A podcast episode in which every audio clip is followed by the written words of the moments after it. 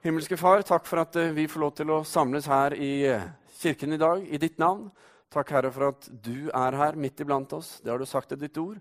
Takk, Herre, for at hver enkelt som er her, enten vi er på søndagsskolen i etasjen under eller rommet ved siden av eller oppe på loftet, Herre, så, eller vi er her inne, så kjenner du hver enkelt. Jeg ber, Herre, tal til oss, rør ved oss, og la oss få kjenne, Herre, at uh, du ønsker og du vil uh, komme inn i våre liv og gi av det aller beste, Herre, for oss. For du har kun det beste i dine tanker for oss.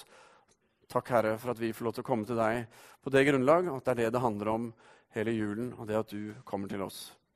Velsign oss i formiddag. Vi ber i Jesu navn. Amen. Ja, det er første søndag i advent, og vi skal begynne på en ny prekenserie. Og Den har vi kalt 'Hva skal barnet hete?' Og eh, Grunnen til at vi har valgt den tittelen, er jo fordi det handler om dette lille barnet som eh, vi vet ble født jule, i julenatt. Og eh, adventstiden er tiden fram mot dette. Og i Jesaja kapittel 9 og vers 6 så er det en profeti som sier noe om hva barnet skal hete. Og der leser vi Jesaja 9, vers 6. For et barn er oss født, en sønn er oss gitt, herreveldet er lagt på hans skulder, og hans navn skal være underfull rådgiver, veldig Gud, evig far, fredsfyrste.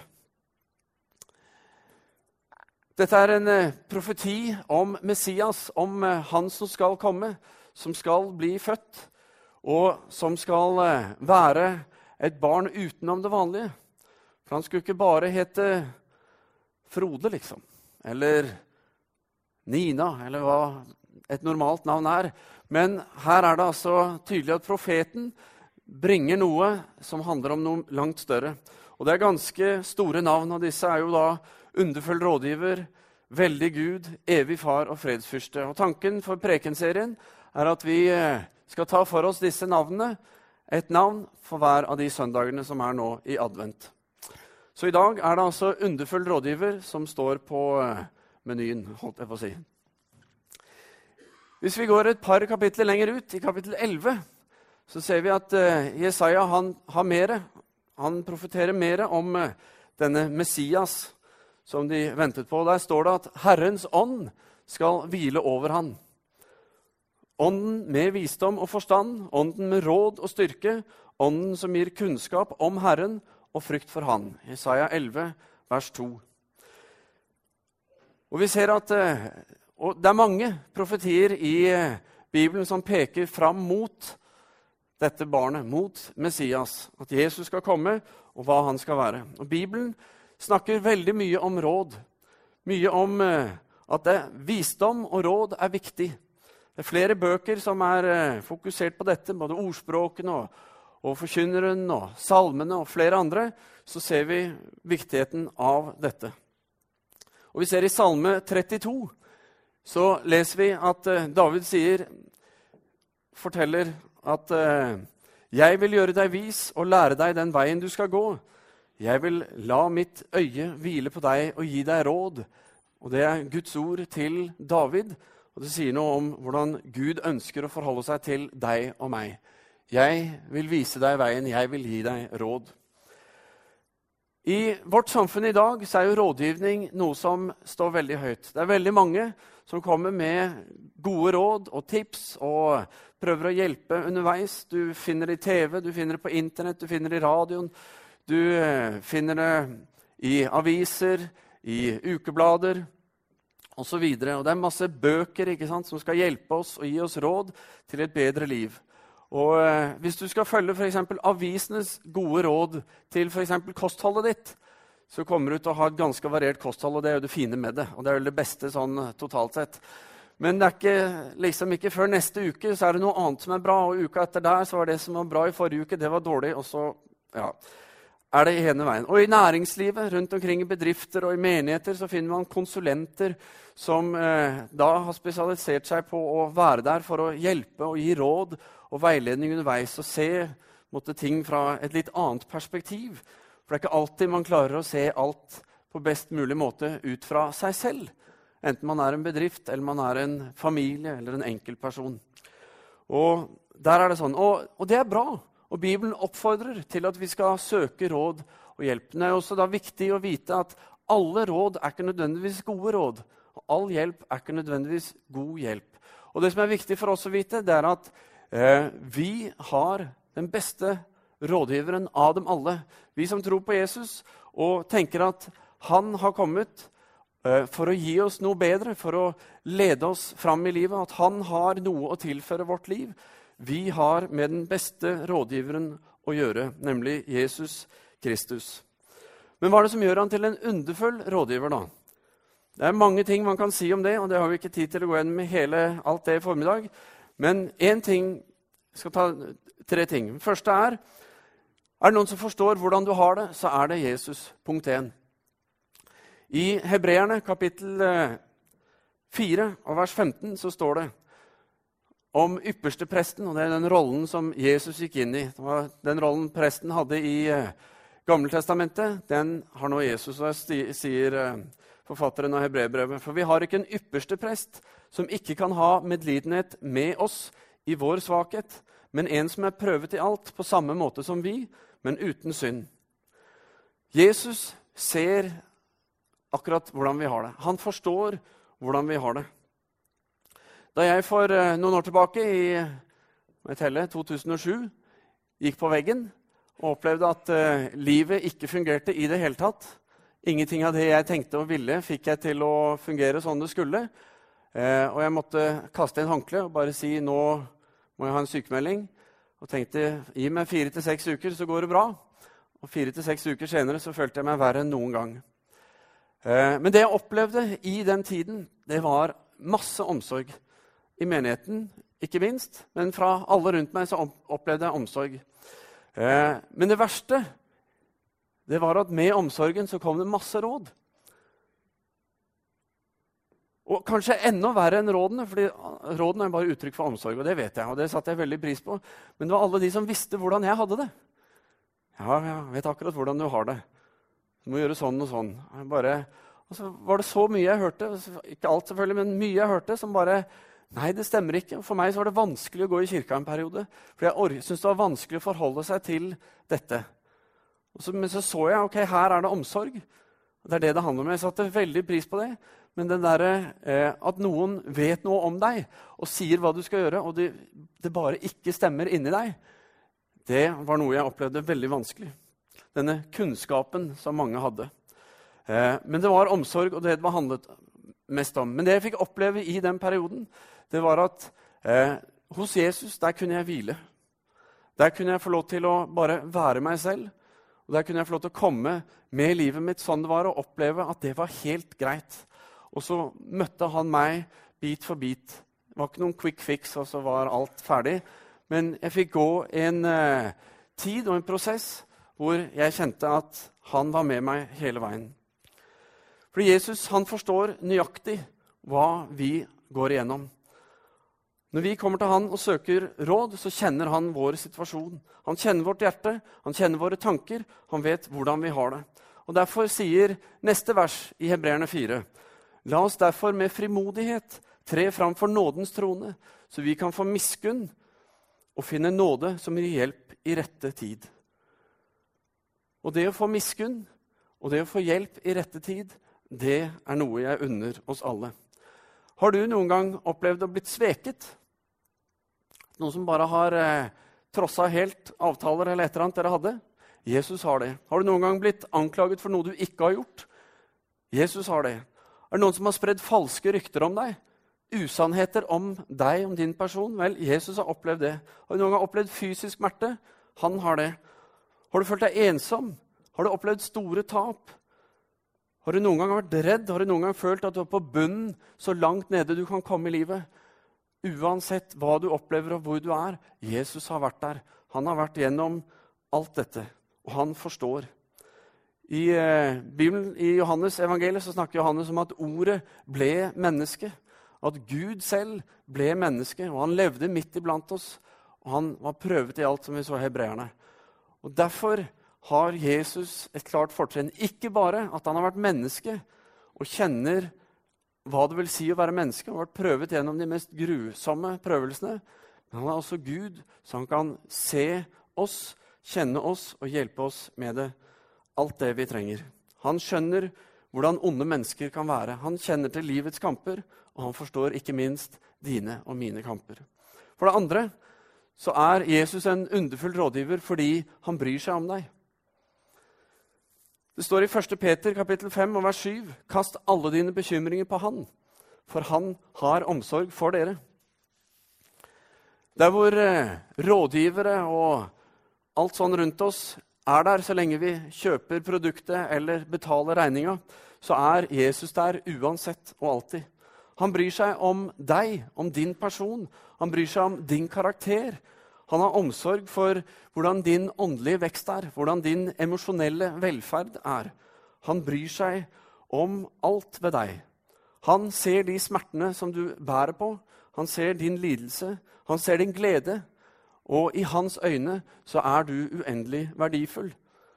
I Bergprekenen, som er eh, liksom holdt for en av de største prekener, altså taler som er gjennomført. Det er stor retorikk, det er anerkjent eh, i alle faglige leirer. I Matteus 5, 6 og 7 eh, så sier Jesus her i kapittel 6, vers 26.: Se på fuglene under himmelen.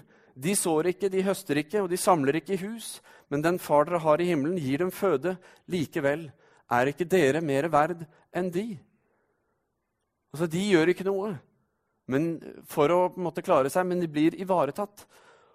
Er ikke vi mer verdt enn fuglene som flyr rundt? Vel, det er tydelig at Gud tenker sånn. I hans øyne så er vi faktisk verdt å dø for. Og det har han allerede gjort klart for oss gjennom korset, gjennom sin død på Golgata. Og fordi han bryr seg om oss så stort, så ble han menneske. Så kom han, og så levde han midt iblant oss for å ta del i våre liv, for å se hvordan vi har det, og for samtidig kunne vise oss hvem han er, og hvilket liv vi skal få lov til å leve. Og han ønsker å hjelpe oss med alt, alle ting. Og til alle som ber han om det, så har han gitt oss løfter om at han vil hjelpe. I Matteus 11, vers 28, så sier Jesus, 'Kom til meg, alle dere som strever og bærer tunge byrder, så vil jeg gi dere hvile. Dette er løftet fra Gud til deg og meg. Han vil ikke snu deg ryggen, kommer aldri til å gjøre det. Og han vil ikke forlate deg, for Gud han har omsorg for deg og for meg. Og det gjør han til en underfull rådgiver. Og for det tredje så har han forpliktet seg på deg. Han er helt måte, hengitt, overgitt til deg og ditt liv.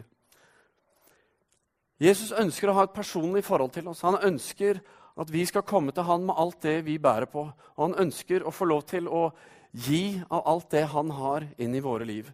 I Johannes 10, vers 27, så sier Jesus.: Mine sauer hører min røst.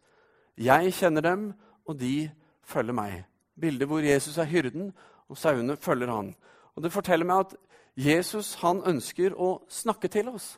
Han ønsker å si inn i vår hverdag, inn i vårt liv. Han ønsker å hjelpe oss. Som en hyrde leder sauene sine, så ønsker han å føre dem fram ved nettopp sin stemme og tale inn i våre liv og hjelpe oss. Men hvordan er det Jesus snakker inn i våre liv?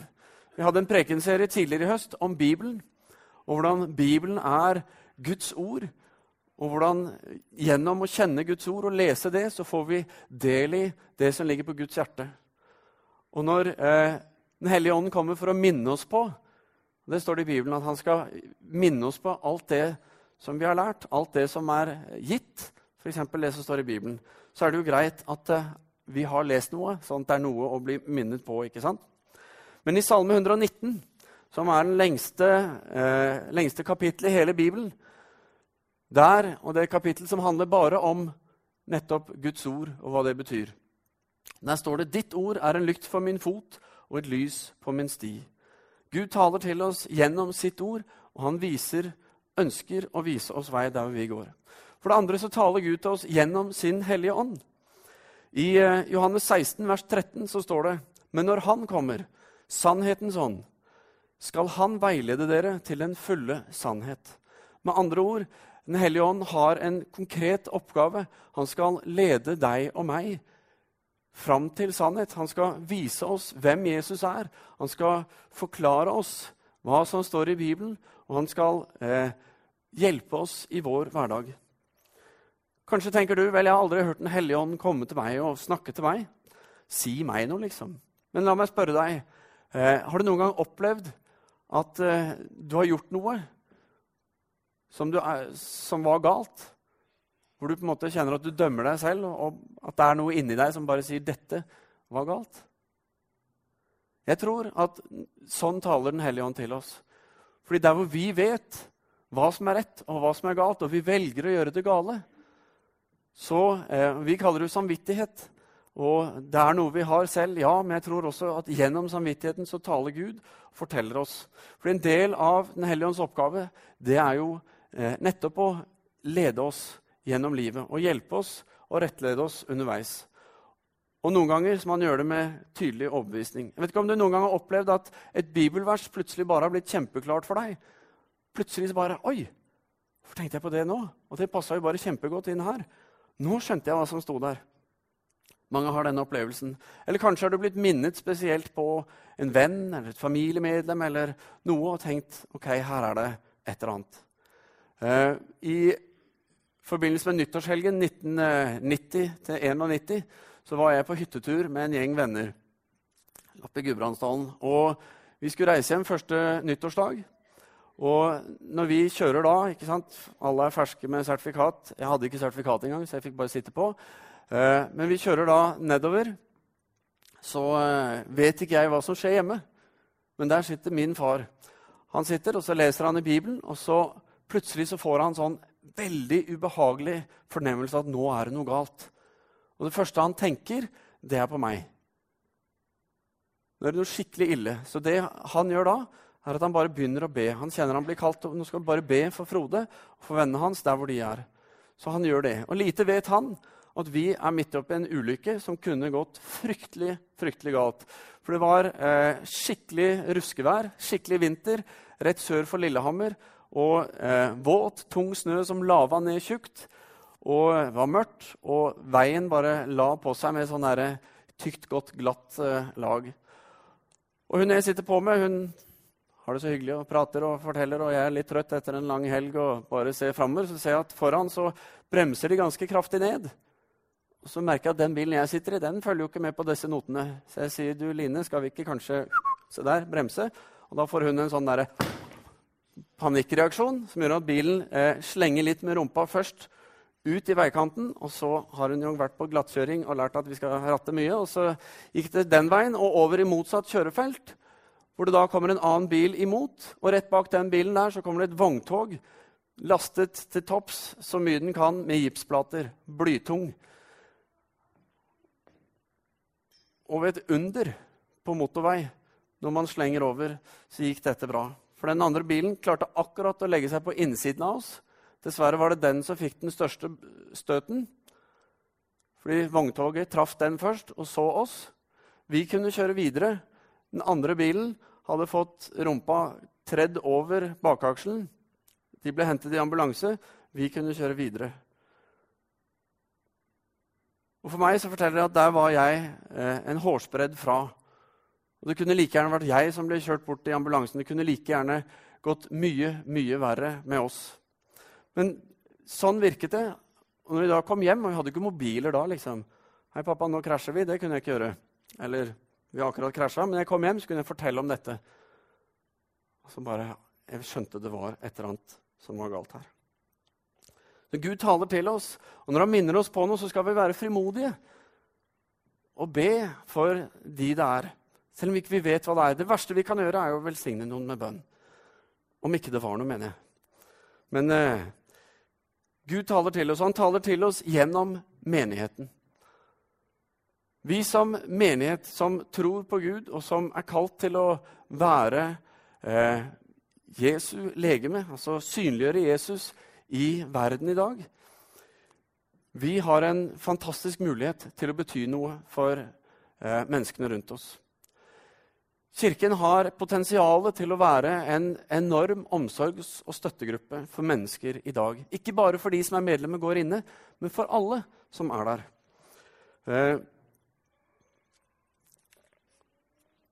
For Hvis du tenker over ditt liv, så vet du at okay, det er tider hvor jeg har problemer og utfordringer. Kanskje er du midt i det nå. Men sannheten er at hvis du ser foran deg, eller til høyre, eller til venstre eller bak deg, så ser du mennesker som har det på samme måte. For det er ingen av oss som går glatt og fritt gjennom livet og ikke har problemer, ikke har utfordringer, ikke opplever noe vanskelig. Vi har det alle sammen. På mange måter kan vi si vi seiler i samme båt.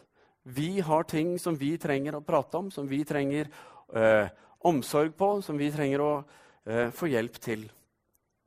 Og Bjørn Eidsvåg han synger det. Det du trodde var ingenmannsland, det er allemannsland, min venn.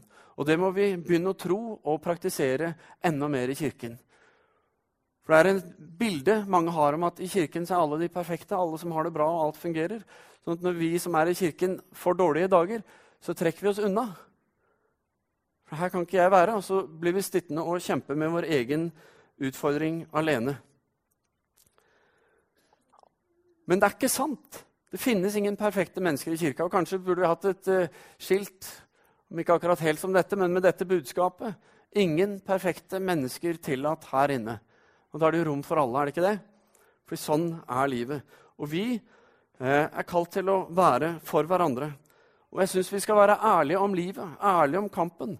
At det er lov å stå fram her og si at ting går ikke helt som det skal men jeg har fått oppleve at Gud er med meg. Eller jeg trenger at dere er med og husker på meg og ber for meg. Vi trenger å stå sammen. Paulus sier i Galaterne 6, vers 2.: Bær hverandres byrder og oppfyll på den måten Kristi lov. Vi skal nå eh, snart sende ut julebrev, og i den forbindelse skal vi sende ut en brosjyre. Fordi vi eh, skal lansere et opplegg for grupper, smågrupper i menigheten. Eh, og det er en større rammeverk, altså mulighet til mange forskjellige typer grupper. Sånn at eh, Hvis du har vært borti grupper en gang og opplevd at det var vanskelig, så er det gode muligheter for å finne en annen gruppe, type og måte å gjennomføre ting på. Men vi skal få mer informasjon om det, litt i brosjyren som kommer, og enda mer informasjonsmøter som vi skal ha i januar. Men grunnen til at vi gjør dette, er at vi ser at jo mer vi opererer på det store offentlige nivået, ikke på det eh, altså det offentlige og det sosiale, men ikke på det personlige, jo eh, mer blir vi gående alene med ting. Avhengig av kanskje noen ganske få. Så blir det vanskelig å, å dele livet. Man setter ikke av tid og har ikke rammer til det. Men vi ønsker at vi skal ha et sted hvor vi kan dele våre tanker, vår tro, våre utfordringer, Eh, at vi kan stå sammen og bære hverandres byrder. Vi kan stå sammen og ansvarliggjøre hverandre, løfte hverandre opp og være med og gjøre hverandre bedre. Og det trenger vi. Skal vi vokse som menighet, skal vi vokse som mennesker, så trenger vi en arena hvor vi kan komme litt inn på det personlige livet i forhold til tro og hverdag og alle disse tingene, og se at vi seiler i samme båt. Her kan vi gi hverandre råd og hjelp. Og siste vers ut i dag er fra Ordspråkene 15, 22. Der står det uten rådslagning så mislykkes planene. Men når mange gir råd, da har de fremgang. Det er lett å få ett råd og tenke 'dette var bra', og så gjør vi sånn. Men Bibelen oppfordrer oss til å søke råd fra flere. Så har du mulighet til det. Hvis du står i en vanskelig situasjon eller skal ta en avgjørelse, få flere til å snakke inn i livet ditt. Og la det være mennesker som ikke har noen personlig interesse av det valget du tar. For de vil jo ja, nei, må gjøre sånn eller må gjøre sånn. Men få noen som kan se objektivt på det og hjelpe deg. Kanskje har du eh, en eh, god venn som du har stor tillit til, og som du vet lever et godt liv, og gjerne en som eh, tror på Jesus og ønsker å fremme han både i sitt eget liv og i ditt liv. Snakk med han eller henne. Og har du flere, gjør det. Prat med de og få råd og få hjelp. Oppsøk gode råd. Bibelen sier det. Eh, og eh, ta imot dette. Og har du ikke så mange å gå til sånn, så har vi en veiledningstjeneste her i menigheten hvor det absolutt er mulig å komme og få råd og hjelp underveis.